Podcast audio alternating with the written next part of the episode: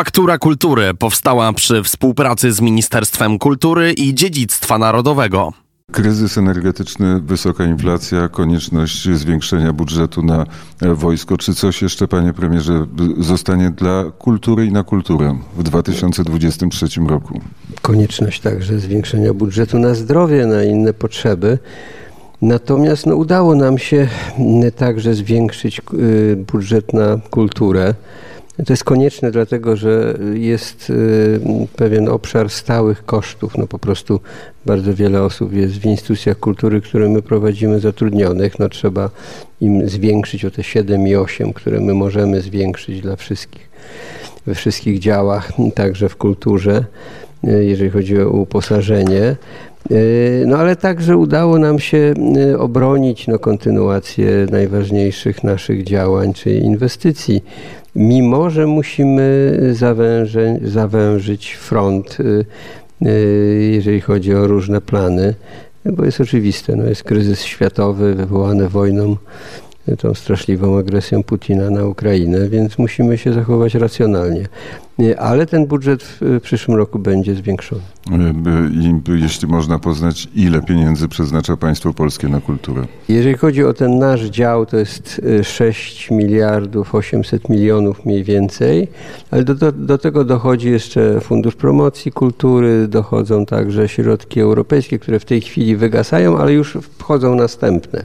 Właśnie wczoraj podpisaliśmy z Ministerstwem Rozwoju takie porozumienie o przejęciu odpowiedzialności, jakby stajemy się na nowo na kolejną perspektywę środków europejskich instytucją tak zwaną pośredniczącą, czyli decydującą o wydawaniu tych pieniędzy, które na kulturę w tak zwanym Feniksie, czyli tym programie funduszy europejskich, który jest przeznaczony na infrastrukturę także w obszarze kultury stajemy się operatorem.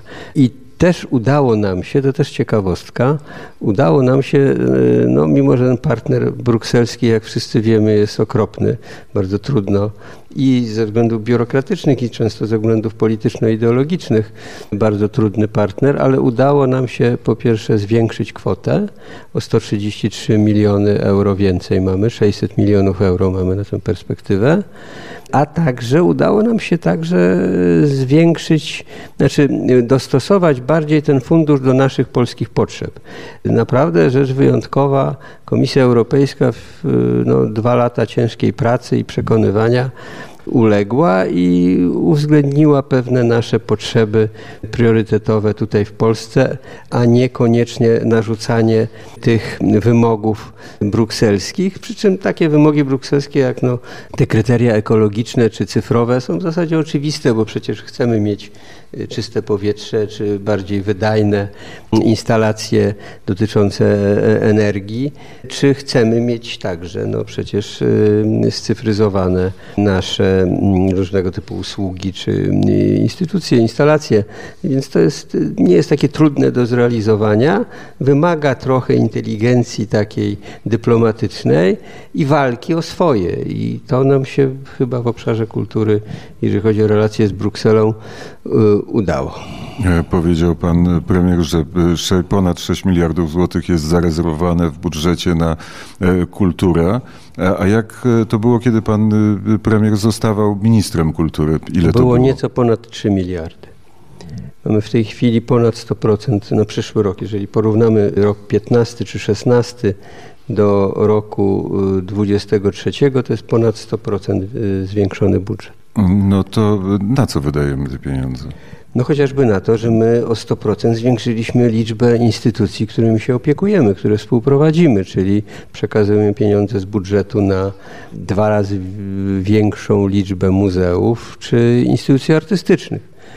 Przedtem to było 31 muzeów, teraz 62. Przedtem to było 16 instytucji artystycznych, teraz to jest 30 chyba jeden, o ile pamiętam, instytucji artystycznych, a w przyszłym roku kilka y, znowu wchodzi, bo ta kolejka instytucji artystycznych czy muzeów z całej Polski do nas y, stoi, nie wiem czy pan widział, pod drzwiami od wielu lat. To znaczy, no po prostu chcą wsparcia, bo y, niektóre instytucje są na bardzo wysokim poziomie, no ale wsparcie, wsparcie samorządowe jest niewystarczające i proszą o to, żeby współprowadzić ich instytucje, bo po prostu mają wtedy większe możliwości rozwojowe, także inwestycyjne, bo możemy nowe, duże inwestycje robić z budżetu centralnego.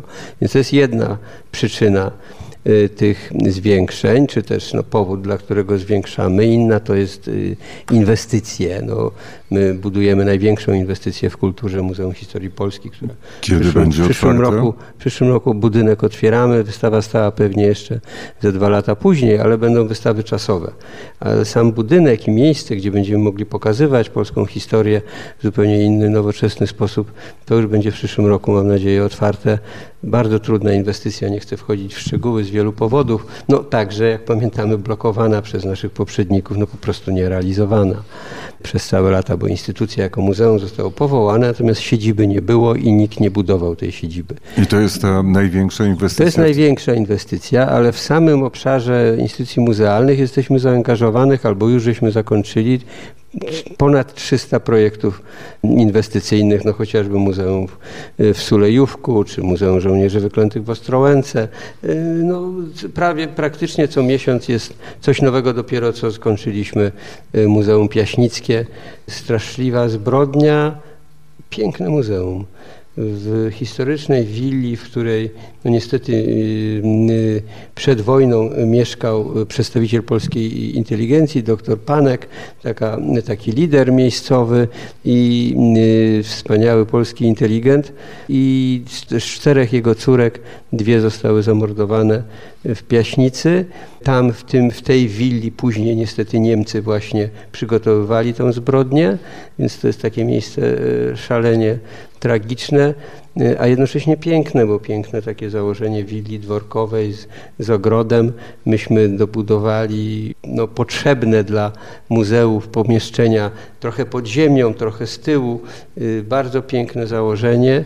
Mamy w zasadzie pierwsze muzeum, które będzie w 100% poświęcone tym zbrodniom z jesieni 1939 roku.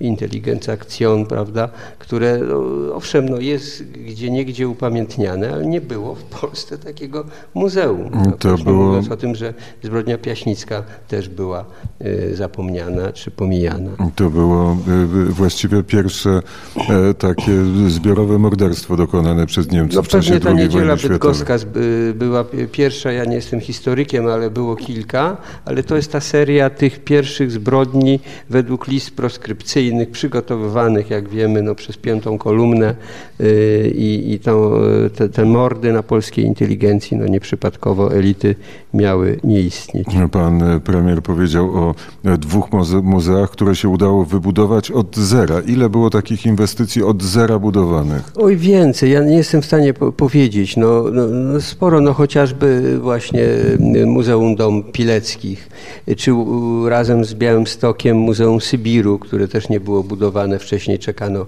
aż my podejmiemy decyzję, żeby się dołożyć. E, muzeum na Polach Grunwaldzkich, też tam był jakiś, jakaś budka stała, nie było muzeum z prawdziwego zdarzenia, więc w bardzo wielu różnych obszarach e, ruszyliśmy do przodu, czy Muzeum Palas, oddział Muzeum Tatrzańskiego, to jest ta katownia gestapo w Zakopanem, ale także muzea z innych obszarów. No, w, tej chwili jesteśmy już bardzo zaawansowani. Pierwsze takie w Polsce muzeum pięknie położone nad kanałem w Łebie, nad kanałem portowym, Muzeum Archeologii Podwodnej, oddział Muzeum Narodowego Muzeum Morskiego. Więc robimy w bardzo wielu obszarach. Uratowaliśmy Muzeum Techniki, to słynne, znane Muzeum Techniki w Pałacu e, Kultury, e, które gdy przyszliśmy do ministerstwa praktycznie już było zamknięte, e, bo zbankrutowało, już nie będę wchodził w szczegóły. Uratowaliśmy je i w tej chwili Y, dwie wystawy już stałe są pokazywane. Jutro są, jest otwarcie kolejnych. Zapraszam wszystkich do Pałacu Kultury y, i Nauki. To stare Muzeum Techniki istnieje, funkcjonuje, a nowe, i to takie już z prawdziwego zdarzenia, budujemy, mamy plany, mamy działkę na błoniach Stadionu Narodowego. Chcemy tam wybudować dwa wspaniałe muzea. Jedno właśnie Narodowe Muzeum Techniki, a drugie muzeum poświęcone historii naturalnej. My mamy olbrzymie nie wiem, czy Państwo wiecie, olbrzymie sukcesy w ostatnich latach, jeżeli chodzi o różnego typu wykopaliska paleontologiczne. I taka wystawa, zresztą finansowana przez nasze ministerstwo, trochę paradoksalnie, w Muzeum Ewolucji, też takie jest małe Muzeum Ewolucji, gdzie te dinozaury i te badania są pokazywane też w Pałacu Kultury i Nauki, jest przez nasze ministerstwo sfinansowana, ostatnio otwarta. O tym największym sukcesie z ostatnich lat, kiedy to na okładce Nature można było przeczytać o polskich odkryciach. To, e, to są plany, e, są te muzea, które powstały od zera, ale są te muzea, które e, i ten cały system wystawienniczy, który pan premier zastał. Tutaj jest też, są muzea, które są prowadzone i są muzea, które są współprowadzone tak, no myśmy właśnie o 100% zwiększyli liczbę współprowadzeń, żeby wesprzeć te muzea, które były a, słabe. A powiedział albo... pan, pan premier o Muzeum Techniki, które, które było właściwie w upadłości, już miało zostać tak. zamknięte czy było... Znaczy było zamknięte konkretnie, no bo już czy, nieważne. Czy ile takich kół ratunkowych udało się rzucić w Polsce? Trudno powiedzieć, ale sporo, bo to nie tylko dotyczy muzeów. Na przykład uratowaliśmy studio filmów rysunkowych w Bielsku Białej, które było, które było skazane na... Czyli uratowanie Bolka i Lolka. Tak, na przykład. I w tej chwili tam też prowadzimy inwestycje. Wyremontowaliśmy stary budynek i tam filmy na nowo zaczęto robić i, i budujemy obok taki nowoczesny, nowy budynek budynek dla Centrum Bajki, żeby takie interakcyjne Centrum Bajki, gdzie dzieciaki będą, zresztą może i starsze pokolenia, także tak jak to jest, nie wiem, w innym wymiarze i w innej skali Centrum Kopernika, gdzie można bawić się z nauką, tak tu się można bawić z filmami rysunkowymi będzie, bo to jest realizowane w tej chwili, dość zaawansowana też jest inwestycja. Uratowaliśmy PIW, no, Państwowy Instytut Wydawniczy, który też był skazany na wymarcie na rynku. I wydaliśmy z słowackiego. Ale nie tylko, naprawdę. W piwie y, wspaniałe rzeczy są wydawane, a poza tym powołaliśmy także, dlaczego te środki były potrzebne, powołaliśmy sporo nowych instytucji, które dotychczas no, ich nie było i jakby no, były białe plamy w działaniach. Instytut, Narodowy Instytut Architektury i Urbanistyki, który wydaje też świetne rzeczy i zajmuje się no, tym, co państwo polskie powinno robić w obszarze promocji, edukacji dotyczących przestrzeni, edukacji, urbanistyki, czy Instytut Literatury dla środowisk, które były pomijane, które nie miały dostępu do możliwości wydawniczych, który między innymi wydał świetne, moim zdaniem, y, biografie y, Wierzyńskiego i Lechonia chociażby, ale nie tylko i wiele innych rzeczy. Y, więc no, sporo nowych rzeczy powstaje, w sensie nowych instytucji, które powołujemy, nie wiem, na przykład Centrum Archiwistyki Społecznej, też jako instytucję kultury przez nas współprowadzoną razem z kartą, które się zajmuje zbieraniem i wspieraniem tego takiego w zasadzie ruchu społecznego, archiwistyki społecznej, czyli rodziny mają coś wartościowego, po kimś zostało i mają gdzie to zakotwiczyć, prawda? Y, społeczność lokalna ma jakieś fajne zbiory, nie wie co z tym zrobić. Y, archiwiści społeczni pomagają, żeby to nie przepadło, prawda? I taka sieć tych archiwów społecznych w Polsce powstaje, zresztą współpracują z naszymi archiwami państwowymi, które też podlegają mojemu resortowi.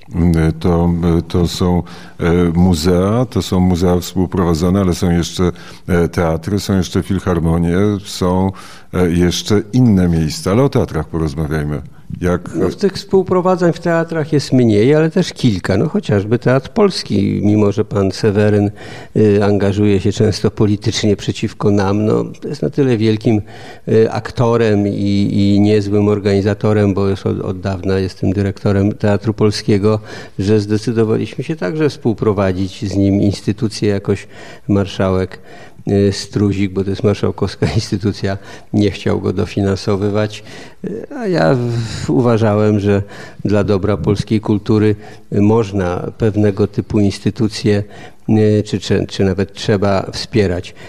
Kilka filharmonii, Rzeszowska, Szczecińska jest współprowadzona, nawet takie małe filharmonie jak w Łomży, kameralna filharmonia, bardzo fajna, kilka Fryderyków zdobyli.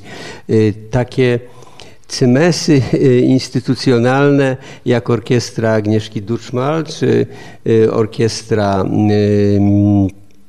y, pana Mosia w Aukso, tak, Aukso w Tychach też na współprowadzenie mm, wzięliśmy, no żeby wesprzeć coś, co jest wartościowe, a nie ma możliwości rozwoju.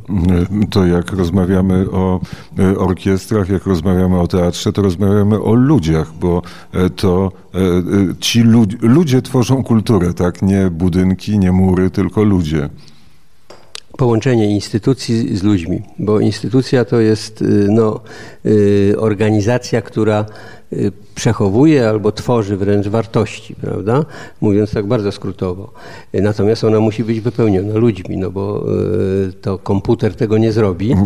Chociaż nie, niektórzy nie twierdzą, powstanie. że sztuczna inteligencja nas zastąpi i mam nadzieję, że nie. Już potrafi pisać Ale wiersze. Nie, nie na tyle, żeby, no właśnie, nie wiem, czy już dostała Nobla, chociaż akurat Nobla to może dostać, bo to z kolei też spada chyba wartość tej nagrody. Y, chociaż nie, to nie, nie dotyczy wszystkich laureatów, bo zapewne wielu wciąż jest wybitnych. W takim razie można powiedzieć tak, że ludzie kultury dzielą się na tych, którzy są znani, popularni, którzy sobie bardzo dobrze radzą i na tych, którzy e, gdzieś e, pracują u, e, przy fundamentach życia kulturalnego i tym powodzi się niekiedy bardzo źle. Nie mają wystaw, nie mają miejsc w teatrze, nie mogą wydawać książek, bo rynek wydawniczy teraz jest w takim opłakanym stanie. Czy tutaj jest jakaś ścieżka dotarcia, czy jest jakaś możliwość pomagania twórcom, prawdziwym twórcom? Znaczy możliwość pomagania zawsze była, chociaż w ograniczonym zakresie, no po prostu budżet zawsze był mały. Myśmy bardzo to zwiększyli w pandemii. Myśmy, o ile dobrze pamiętam, prawie 50 tysięcy takich zapomóg społecznych y, przekazali y, twórcom w czasie pandemii. 50 tysięcy to jest naprawdę niezła liczba, jak mi się wydaje.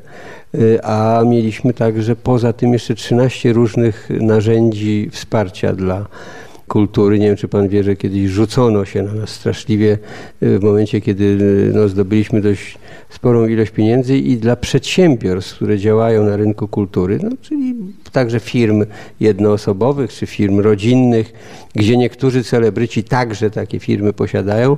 No i straszliwie nas krytykowano, że tym celebrytom żeśmy dali pieniądze. No, jeżeli chcemy podtrzymać cały sektor, tak jak w gospodarce, to raczej nie patrzymy, no, kto jest jakiej rasy czy wyznania, tylko trzeba, krótko mówiąc, pomóc wszystkim na tych, na tych samych sprawiedliwych zasadach. No co niestety wzburzyło niektórych widzów czy, czy opinię publiczną, y, że znany celebryta otrzymał wsparcie, a mógł sobie z oszczędności jakoś żyć. Tylko, że co ma robić polityk? No ustawić to wsparcie według y, swoich zachcianek, czy zupełnie arbitralnie, czy też sprawiedliwie dla wszystkich według tych samych zasad. No. To był ten dylemat, który musieliśmy rozwiązać. I który właściwie cały czas trzeba rozwiązywać, bo jak sobie pan premier e, radzi e, z tym takim murem, który też jest postawiony wewnątrz życia kulturalnego Polski. Z jednej strony jest to niechciane przez większość tego świata kultury, może się mylę, że przez większość, ale przez świat kultury niechciany PiS, a z drugiej strony jest chęć pana premiera do budowania kultury jako dziedzictwa narodowego. Wie pan, y, jak ja sobie radzę, to jest może mniej istotne. No, to jest już y, jakby związane z moją decyzją bycia politykiem. I muszę to brać y, na barki czy na klatę, jak to się mówi. Natomiast to jest problem szerszy i bardzo poważny, bo on dotyczy, on właściwie zaczyna się Y, w perspektywie kryzysu kultury globalnej. No, jeżeli mamy y, zjawiska kultury globalnej, które polegają na niszczeniu kultury w dużej mierze, tabu kulturowe to w zasadzie coś, co już ma nie istnieć. Tymczasem no, antropologicznie rzecz biorąc, no, podstawy nauki o życiu ludzi wskazują, że bez tabu kulturowego my nie jesteśmy w stanie funkcjonować. Bez pewnych zakazów czy norm społecznych, jako wspólnoty, jako jednostki nie potrafimy się odnajdywać. Wspólnoty się rozpadają, jednostki też się rozpadają i zresztą widzimy, obserwujemy y, kryzysy z tym związane. Y, to jest zupełnie oczywiste. No, kultura y, ta globalna, dominująca, szaleje i my to wszystko musimy wytrzymać jako ludzkość w szerszym, w szerszym zakresie. No widzimy to także, bo ta ideologizacja i kultury, i nauki, i polityki jest no, ewidentnie widoczna. Ale gdyby e, zapytać kogoś, kto jest po drugiej stronie barykady, to by powiedział to właśnie e, pan premier ideologizuje kulturę, a my, a my jesteśmy po prostu bardzo, otwarci. Bardzo chętnie. Na, na, co są, na co, na co otwarci? Na, na, na wszystko są gotowi. No właśnie, na wszystko. No, jest taki polityk, y, y, y, poseł, który opowiada, że w sztuce nie ma granic, i jest pełna wolność. No, no, samo to stwierdzenie jest absurdem, bo nie ma pełnej wolności nigdy, bo gdybyśmy wszyscy chcieli mieć pełną wolność, to byśmy się w tydzień pozabijali wzajemnie, prawda? No, na tym polega współżycie ludzkie, że pewne granice sami sobie narzucamy kulturowo albo narzucamy poprzez rozwiązania prawne dla dobra nas wszystkich. I no, nie można głupstw jakichś infantylnych opowiadać. Tak, w dużej mierze to, to szaleństwo ideologiczne, które, y, które y, świat opanowało, y, jest infantylne, no jest po prostu nieracjonalne i to w prostej dyskusji na każdym forum można udowodnić. Problem polega na tym, że z tym jest także związane siłowe rozwiązywanie spraw, czyli nie forum, nie dyskusja. Przecież opozycja z nami nie dyskutuje, nie chce dyskutować i debatować, e, chce wrzeszczeć i chce odrzuca, odwoływać się do emocji albo do siłowych rozwiązań politycznych, na przykład e, na forum Unii Europejskiej. I to jest kolejny problem, bo ja mówiłem o tym kryzysie kultury globalnej nieprzypadkowo, bo o tym powinniśmy dyskutować, bo on rzutuje właśnie na tego rodzaju postawy, czy tego rodzaju sytuacje, które my mamy tutaj na naszym podwórku, jeżeli chodzi o kulturę. Przecież większość tych wszystkich zarzutów opiera się po, po pierwsze na kłamstwie, czy, czy na no, nieprawdziwym interpretowaniu zdarzeń. Ja jestem oskarżany o cenzurę. No, Boska, no cenzura była kiedyś, tak, teraz jest co najwyżej mecenat państwa, który, którego podstawową Podstawową cechą jest to, że ten, który ma mandat do decydowania, decyduje. No, decyduje o personalnych nominacjach, decyduje o przekazywaniu środków publicznych. To jest wszystko transparentne. O wszystkim można przeczytać, o wszystkim się można dowiedzieć. Mało tego, tego kogoś można zmienić kolejne wybory, można go zmienić. Można go zmienić także argumentacją, która przekonuje decydentów, żeby go y, z danego stołka y, wyrzucić. No, na tym polega demokracja. Natomiast y, to, jak to jest interpretowane przez opozycję, no niestety to jest, tak jak powiedziałem, no, wykorzystywanie pewnych metod marketingu politycznego do narzucania swoich nie wiem, czy, czy, czy kryteriów, czy priorytetów w sposób y, niedemokratyczny bardzo często właśnie, bo odwołujący się do, do manipulacji czy do y, kłamstw.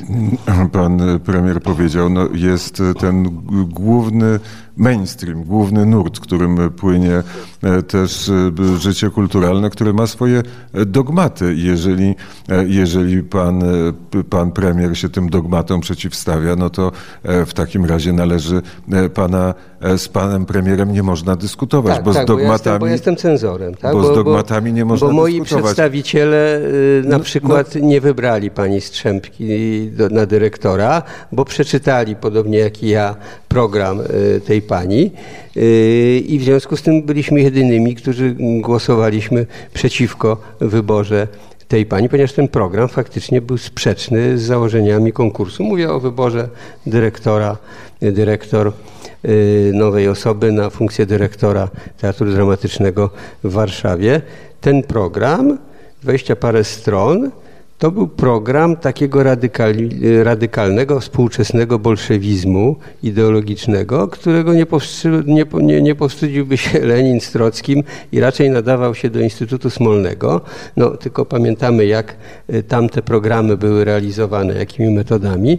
A y, tutaj miał być narzucony instytucji no, z wielką tradycją, instytucji zresztą prowadzoną prowadzonej przez y, osobę na pewno nie naszych poglądów poprzednio. Są dwóch głównych konkurentów tej pani w tym konkursie. To też były osoby na pewno niezwiązane z PiSem. No ale jakoś coś proponujący.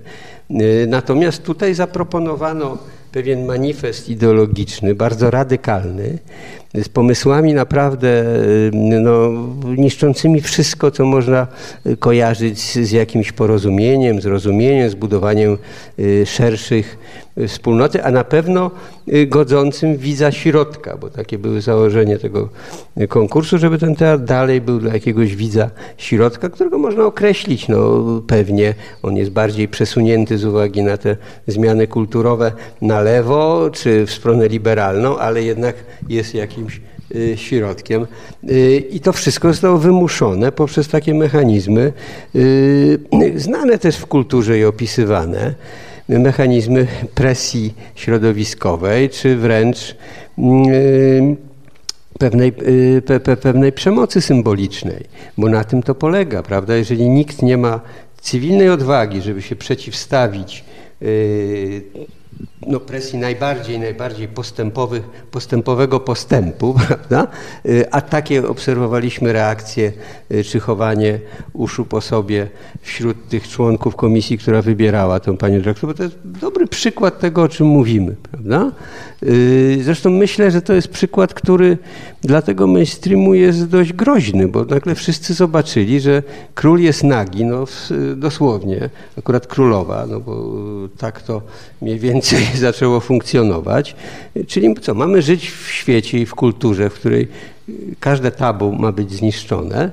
Yy, nie wiem, to jest w zasadzie też już może być oskarżone o, yy, ja mówię o, o mikrofonie. trzymanym przeze mnie mikrofonie, tak, ponieważ ta, ta ideologia została w jednym z wywiadów radiowych pogłębiona i wytłumaczona. No, no nie dajmy się zwariować. No, no ale, ten, ale świat, w którym pan premier jest premierem, e, jest światem, który właśnie idzie w tym kierunku. Czy e, znaczy, pan... Ten świat, w, którym ja jestem wicepremierem, mam nadzieję, że nie idzie w tym kierunku. Otoczenie, tak. E, no ale jak patrzymy na debaty, debaty w Parlamencie Europejskim, patrzymy na wystawy, które są na, na całym świecie, na nowoczesne, nie wiem, malarstwo czy rozmaite zdarzenia, no to właśnie to jest jest ten kierunek? Czy temu tamę można postawić? No, staramy się właśnie poprzez y, mądry mecenat państwa korygować te trendy, bo uważamy je za nierozsądne, za niszczące naszą wspólnotę, za nieestetyczne także. No dobrze, a to w takim razie przejdźmy do szkół artystycznych. No bo szkoła to jest to miejsce, gdzie mistrz uczy, y, uczy y, swojego ucznia. Jak wygląda sytuacja szkół artystycznych? Moim zdaniem y, wygląda i bardzo źle, i optymistycznie, w zależności od tego, no, o jakiej szkole mówimy, czy o jakich ludziach w tych szkołach mówimy.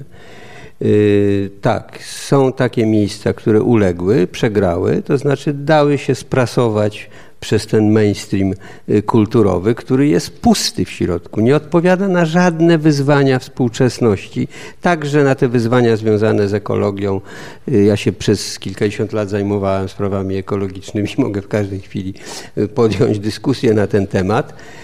To są puste slogany, to, to jest straszliwie wtórne.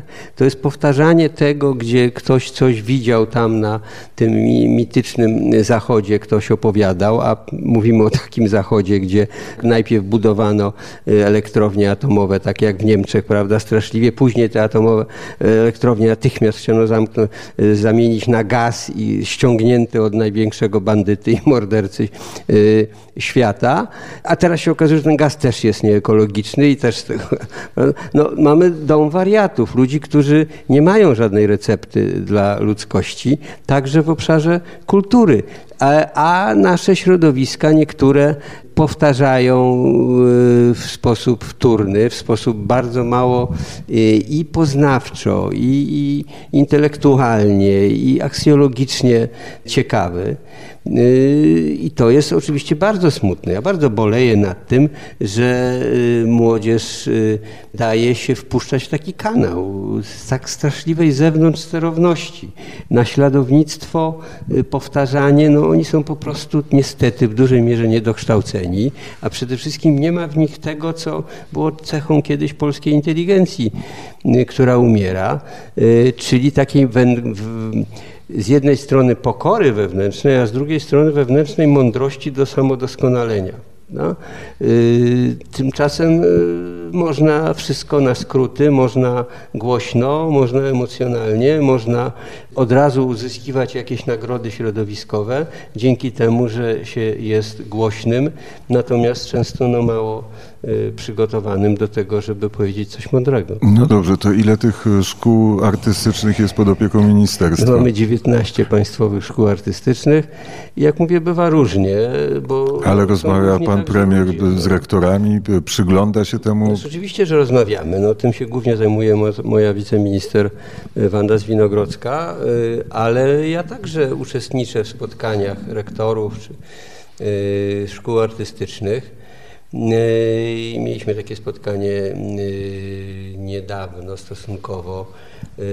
Dzięki temu także, dzięki tym kontaktom no, staramy się pomagać w rozwoju. W przyszłym roku zwiększamy finansowanie i zresztą ten kontakt, jeżeli chodzi o informacje, jest bezpośredni, praktycznie codzienny. Więc, więc jeżeli ktoś, jakiś tam rektor, a taki jeden jest, opowiada, że on nie wiedział, że będzie jeszcze gorzej, bo ministerstwo nie reaguje, to mówi nieprawdę po prostu, bo kontakt jest bezpośredni, praktycznie codzienny. Jesteśmy w Ministerstwie Kultury, jesteśmy w Pałacu Potockich niedaleko, bo w końcu w ogrodzie Saskim na placu Piłsudskiego ma zostać odbudowany Pałac Saski. Ministerstwo Kultury opiekuje się całym procesem odbudowy pałacu?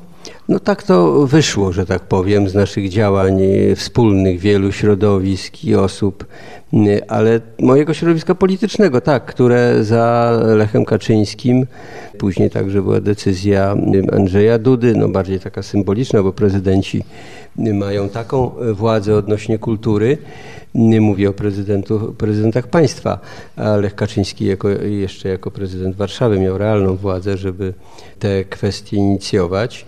Tak, chcemy odbudować. To jest nie tylko kwestia symbolu, ale to jest kwestia tego, że to będzie instytucja w dużej mierze poświęcona kulturze. Tam oprócz administracyjnych i dla Senatu, i dla wojewody będzie także miejsce mm, przede wszystkim dla instytucji kultury. To jest miejsce historyczne, a więc będą szyfry, bo tam był sztab generalny i szyfry. Mieszkał tam przez pewien czas, a uczył się także Fryderyk Chopin, więc będzie i Chopin. Będzie Skłodowska Curie, bo jest wciąż niedoceniona, największa polska kobieta, wybitna y, niebywale. Y, no tak, tak, przedstawiciele, giganci, giganci polskiej kultury, ale także ja bym powiedział, że, że Skłodowska to jest w ogóle piękna postać, bo ona jest taką typową przedstawicielką szerszej grupy społecznej, czyli polskiej inteligencji, tych, tej wspaniałej, wybitnej polskiej inteligencji, dzięki której odzyskaliśmy niepodległość, bo ona wyrosła z polskiej kultury zresztą, bo przecież inteligencja wyrosła z romantyzmu, a także i z pozytywizmu XIX-wiecznego i później przyniosła nam e, niepodległość. Więc to wszystko chcemy, żeby było w, pa w Pałacu Saskim, żeby on był otwarty dla publiczności, żeby były pewne nawiązania do jego historii, oczywiście tych dobrych stron pozytywnych tej historii, żeby to było, było nasze, nasze wspólne dobro. I to jest jedna z wielu inwestycji, które faktycznie prowadzimy i będziemy prowadzić.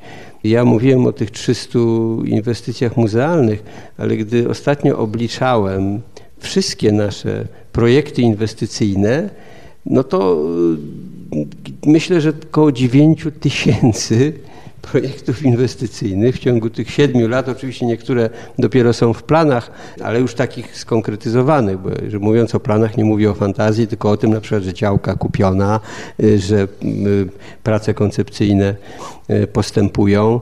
Tu wczoraj mieliśmy spotkanie na temat Pałacu Saskiego, bo cały czas nad tym pracujemy, my nadzorujemy biuro, instytucję, która została powołana, spółkę, która została powołana do budowy i oni naprawdę idą świetnie, jeżeli chodzi o harmonogram y, i przygotowują w tej chwili konkurs architektoniczny, bo mimo, że on będzie zachowany w obrysie i, i y, mówię o Pałacu Saskim i Pałacu Brilla i tych kamienicach od Królewskiej, to tam jest bardzo wiele jeszcze dla architektów do zrobienia na przykład kwestia zadaszeń, dziedzińców, tam jest sześć chyba dziedzińców, które mogą być w ten czy w inny sposób zabudowane, czy zadaszone i wiele innych kwestii, które jeszcze można rozwiązać. No to może tam się znajdzie też miejsce dla tych dzieł sztuki, które y, odzyskujemy. Ile tych dzieł sztuki udało się odzyskać? One na ogół wracają do swoich miejsc macierzystych, czyli do, do naszych muzeów y, w większości. Ponad 600 w ciągu 7 lat, ale nasi poprzednicy już to rozpoczęli, tylko że y, no, robili to na mniejszą skalę, bo też mniejsze środki były zaangażowane tutaj tutaj kilku urzędników pracowało. W ministerstwie w tej chwili to jest departament, prawie 20 osób, y, które y, będą docelowo pracowały. W tej chwili jest kilkanaście osób w departamencie i mamy 130 tych procesów restytucyjnych na całym świecie w tej chwili realizowanych. Y, więc to jest też kolejny dział, który jest rozwinięty, w związku z tym trzeba większe nakłady przeznaczać na to, ale też i są efekty i myślę, że już niedługo będziemy informowali o kolejnych dziełach sztuki, które wracają do Polski. My rozmawiamy o rozwoju, my rozmawiamy o e, odbudowie Pałacu e, Saskiego, o nowych muzeach, ale mamy świadomość tego, że za naszą wschodnią granicą jest wojna. Tam nie mówi się o odbudowie, tam się liczy kolejne zrujnowane e, miejsca. Czy w dziedzinie kultury pomagamy jakoś Ukraińcom? No, od samego początku. Ja miałem to szczęście, że poznałem obecnego ministra kultury y, w styczniu tego roku w Kownie, na tak zwanej stolicy europejskiej, stolicy kultury w Kownie, ponieważ y, nawiązaliśmy bliską współpracę także z ministrem litewskim y, trochę wcześniej, więc byłem tam w Kownie i poznałem wtedy Tkaczenkę i we trzech wtedy zainicjowaliśmy ten trójkąt lubelski, nawiązujący do Unii Lubelskiej, y, Litwa, Ukraina i Polska, y, bo to jest piękna tradycja, jednocześnie przeniesiona no, we współczesność. Y, no i nagle ta wojna. Oczywiście wiedzieliśmy, że ona jest. Już dzień przed wojną myśmy powołali tutaj takie centrum, które później się zinstytucjonalizowało w Centrum Pomocy dla Kultury na Ukrainie. Myśmy pierwsze transporty wysyłali już dwa tygodnie po rozpoczęciu wojny do Lwowa i do innych miast. 800 palet, ponad 800 już w tej chwili. Wczoraj podpisałem kolejną decyzję dotyczącą wsparcia dla centrum, no bo finansujemy to z naszych pieniędzy. Mam nadzieję, że y, ja myślę, że tak, że cała nasza wspólnota dalej to popiera, to tylko jakieś wyjątki, czy, czy ludzie no nie, rozumiejący, nie rozumiejący, że, że po pierwsze wartość solidarności w takiej sytuacji, czyli wsparcia jest czymś, co konstytuuje nas jako ludzi, także jako Polaków a po drugie to jest nasz interes po prostu narodowy, bo Ukraińcy nas w tej chwili też bronią. Oni bronią Europy, oni bronią cywilizacji.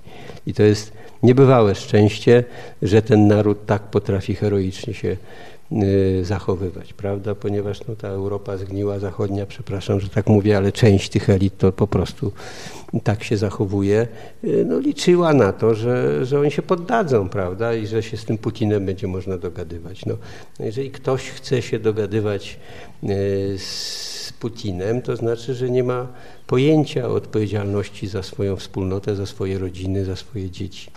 I tam niektórzy ludzie na Zachodzie to zauważyli, bo pamiętam z moich kontaktów bezpośrednio po 24 lutego, to nawet najwięksi zapaleńcy tej współpracy, no, elity niemieckie na przykład, współpracy z Putinem, no bardzo byli w dziwnej sytuacji, prawda? Bo praktycznie to jest bankructwo całej polityki niemieckiej.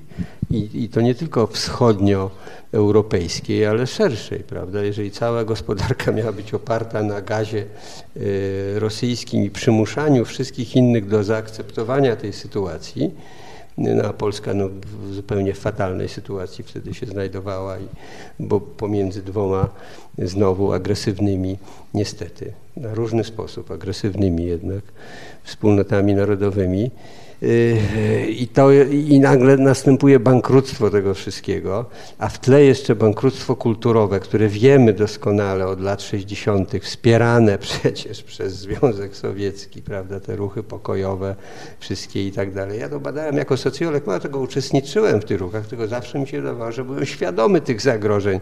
Natomiast większość ludzi i większość tych, tych którzy budowali tą ideologię, świadoma, tych zagrożeń albo nie była, albo no, po prostu no, y, tych y, pożytecznych idiotów było dostatecznie dużo, żeby ten świat zaprowadzić nad y, skraj przepaści. Jakie będzie najważniejsze wydarzenie w dziedzinie kultury w 2023 roku? Będzie wiele bardzo ciekawych wydarzeń. Będziemy mieli mm, obchody rocznicy równej powstania styczniowego. Będziemy mieli otwarcie Muzeum Historii Polski, budynku z wystawami czasowymi. Myślę, że to będzie e, bardzo ważne. E, w przyszłym roku jest, e, o ile wiem, konkurs także szopenowski na starych instrumentach, bo powinien już być. A, a to jest też nasze. Myśmy cztery nowe festiwale muzyczne powołali. Dwa konkursy nowe i dwa festiwale albo trzy. Tak już nie jestem w stanie tego policzyć. To też w ciągu siedmiu lat, no taki festiwal międzynarodowy to nie jest takie y, eufonie. No wspaniały festiwal Europy Środkowo-Wschodniej, od Skandynawii po Bałkany, przez oczywiście tutaj nasze kraje, które, który promuje właśnie y, sztukę muzyczną, nie tylko klasyczną, bo czasami tam i jazz się pojawia, Y, naprawdę w takiej formie dojrzałej. Y, to jest nowy festiwal od trzech chyba lat, y, czy, czy czterech, już czwarty rok chyba tak prowadzony. A jakie jest marzenie pana premiera na rok 2023? Marzenie? Żeby nasi oponenci tu w Polsce, bo nie wiem, może i na świecie, zrozumieli nasze racje i wyrzekli się nienawiści. Dziękuję za rozmowę. Dziękuję bardzo. Faktura Kultury powstała przy współpracy z Ministerstwem Kultury i Dziedzictwa Narodowego.